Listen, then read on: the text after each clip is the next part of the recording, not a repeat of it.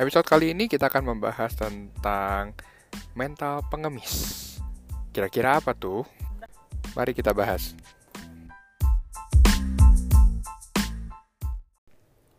Jadi kalian pernah nggak sih kalau misalkan sekarang kalian berada di lampu merah atau lampu stopan kita sebutnya.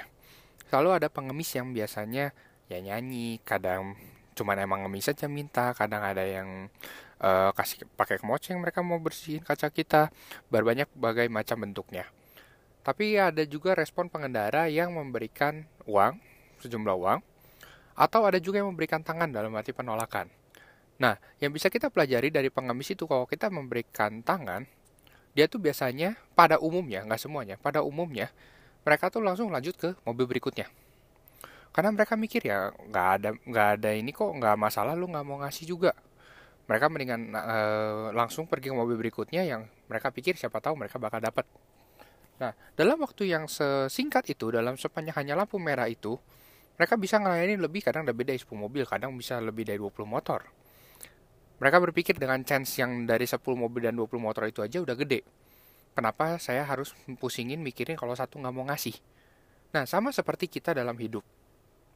Kita selalu dapat penolakan kita selalu bisa dapat masalah dari mana aja lah. Kita nggak bisa tahu kadang dapatnya dari mana datangnya dari mana.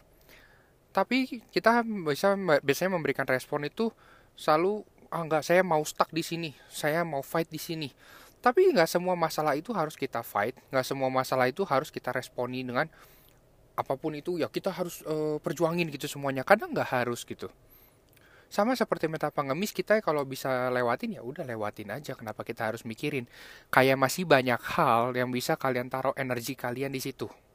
Nggak harus semuanya kita tanggepin kita saving energi tapi kita lebih memprioritaskan mana masalah yang harus kita beresin terlebih dahulu.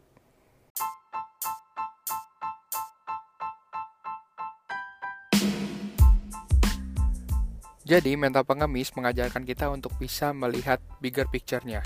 Kadang kita lupa kalau misalkan sekarang kita stuck di satu hal, kadang hal lain tuh bisa jadi kebengkalai semua. Tapi kalau misalkan ada satu hal yang bisa didelegasi, nggak harus kita yang urusin semua solusinya, kita bisa memprioritaskan hal-hal yang lebih penting dalam hidup ini.